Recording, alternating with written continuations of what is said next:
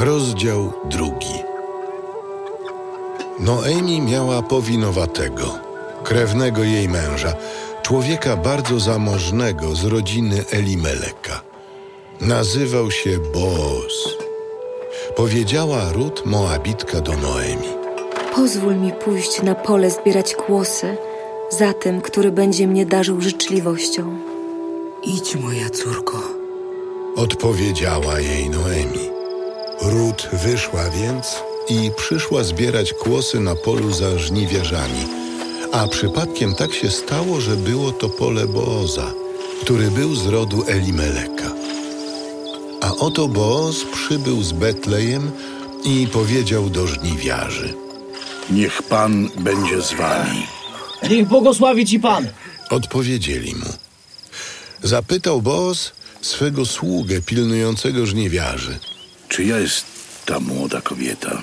Odpowiedział sługa pilnujący żniwiarzy. To jest młoda Moabitka, która przyszła z Noemi z ziemi Moabu. Powiedziała ona: Pozwólcie mi szukać i zbierać kłosy za żniwiarzami. Przyszła i pozostała od rana aż dotąd, a jej odpoczynek w domu był krótki. Powiedział Boaz do Rut. Słuchaj dobrze, moja córko.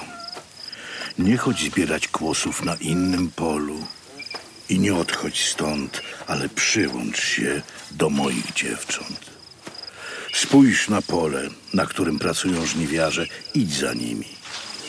Oto nakazałem młodym sługom, aby ci nie dokuczali.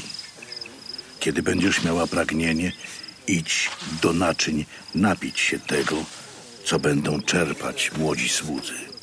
Wtedy Rut padła na twarz, oddając pokłon aż do ziemi i zawołała. Dlaczego darzysz mnie życzliwością? Tak, iż mnie uznajesz, choć jestem obca. Odpowiedział jej Boaz. Oznajmiono mi dokładnie to wszystko, co uczyniłaś swojej teściowej po śmierci swego męża. Opuściłaś ojca swego i matkę swoją i swoją ziemię rodzinną, a przyszłaś do narodu, którego przedtem nie znałaś. Niech cię wynagrodzi Pan za to, coś uczyniła. I niech będzie pełna Twoja nagroda u Pana, Boga Izraela, pod którego skrzydła przyszłaś się schronić. Obyś darzył mnie życzliwością, panie mój.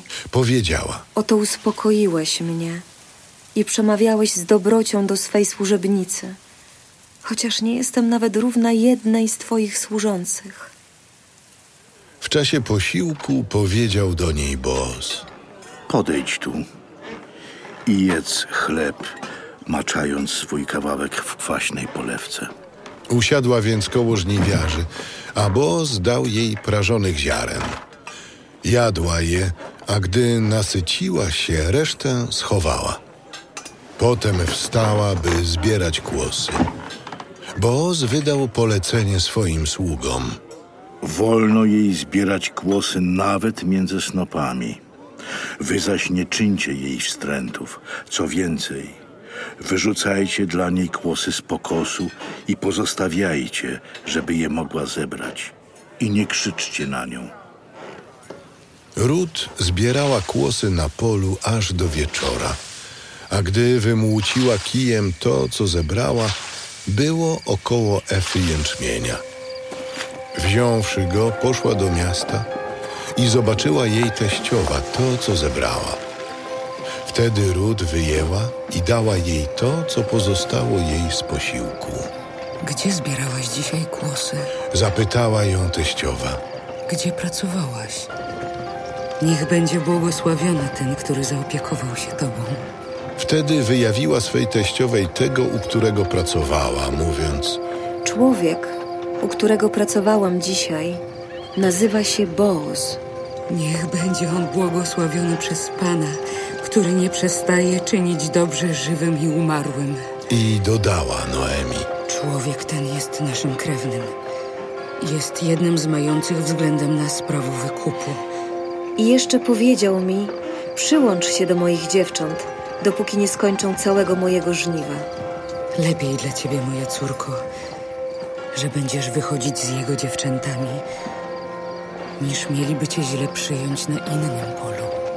Dołączyła się więc Rut do dziewcząt Booza, aby zbierać kłosy do czasu zakończenia żniw jęczmiennych i żniw pszenicznych, a mieszkała ze swoją teściową.